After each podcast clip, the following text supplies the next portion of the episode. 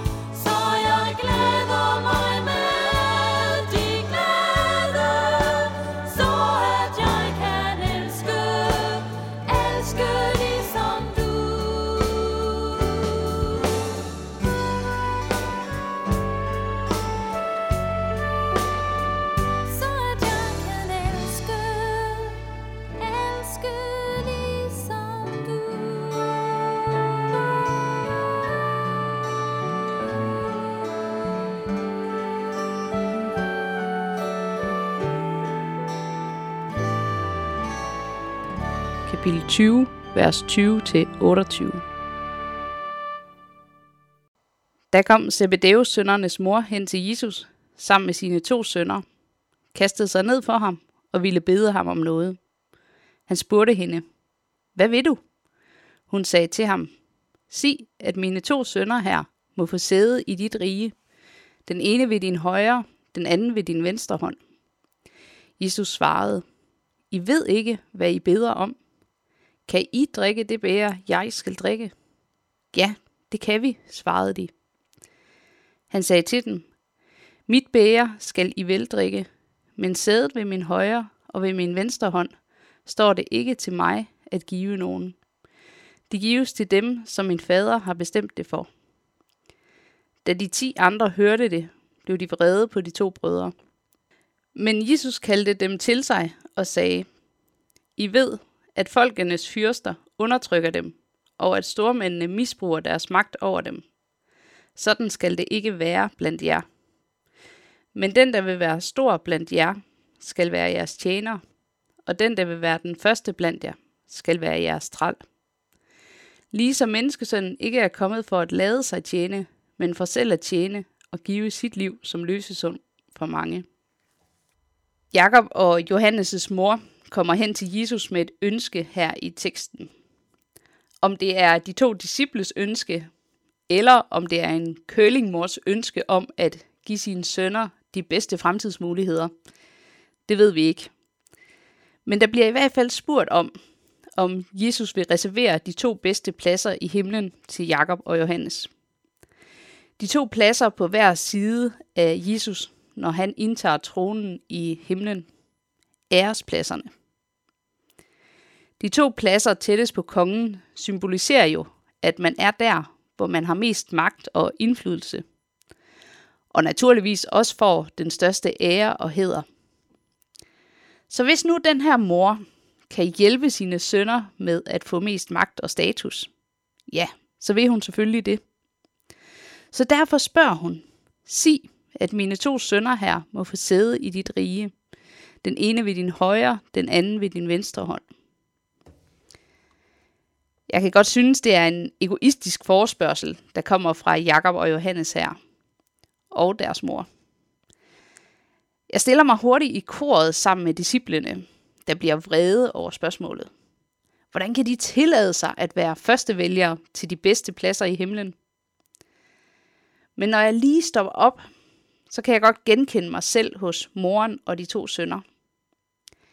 Jeg vil da også gerne have den position, hvor andre ser op til mig være i centrum af det hele. Vær vigtigere og bedre end de andre. Og allerhelst, at de andre også ser det og anerkender min status. Måske kunne jeg selv have spurgt Jesus om det samme.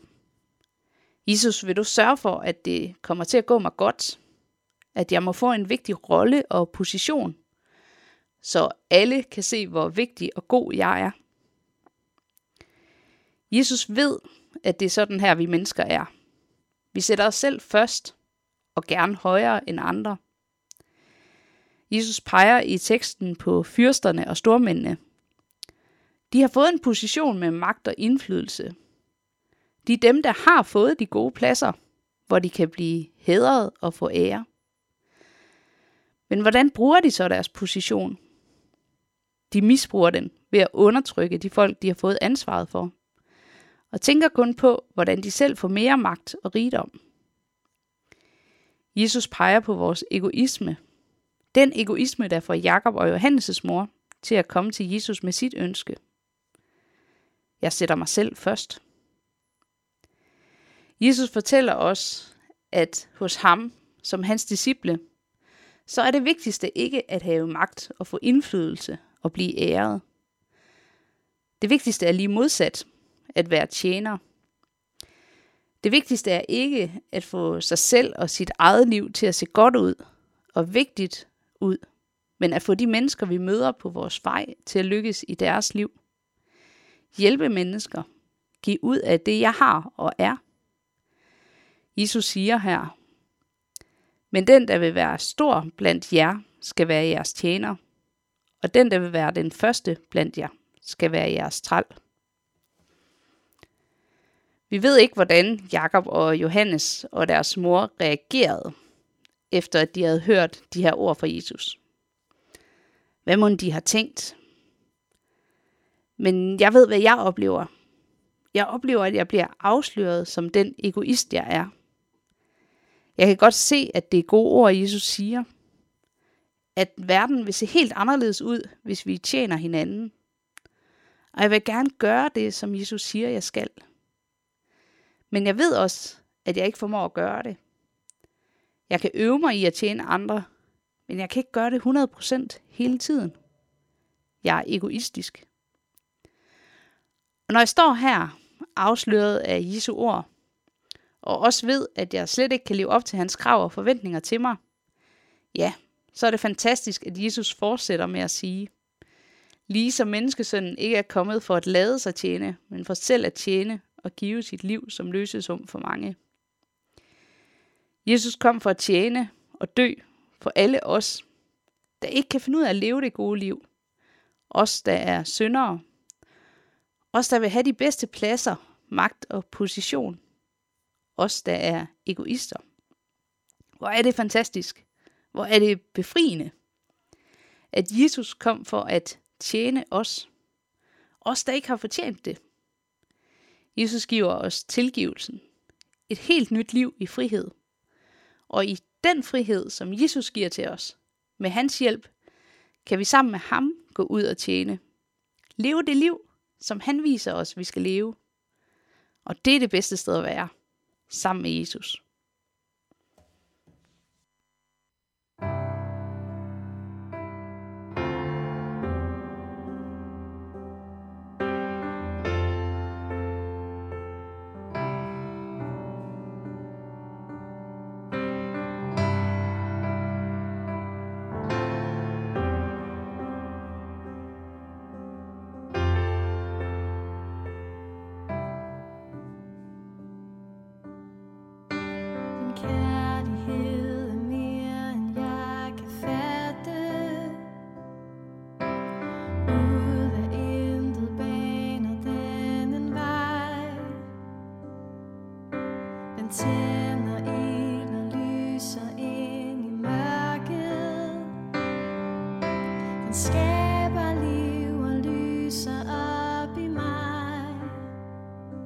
Den spiger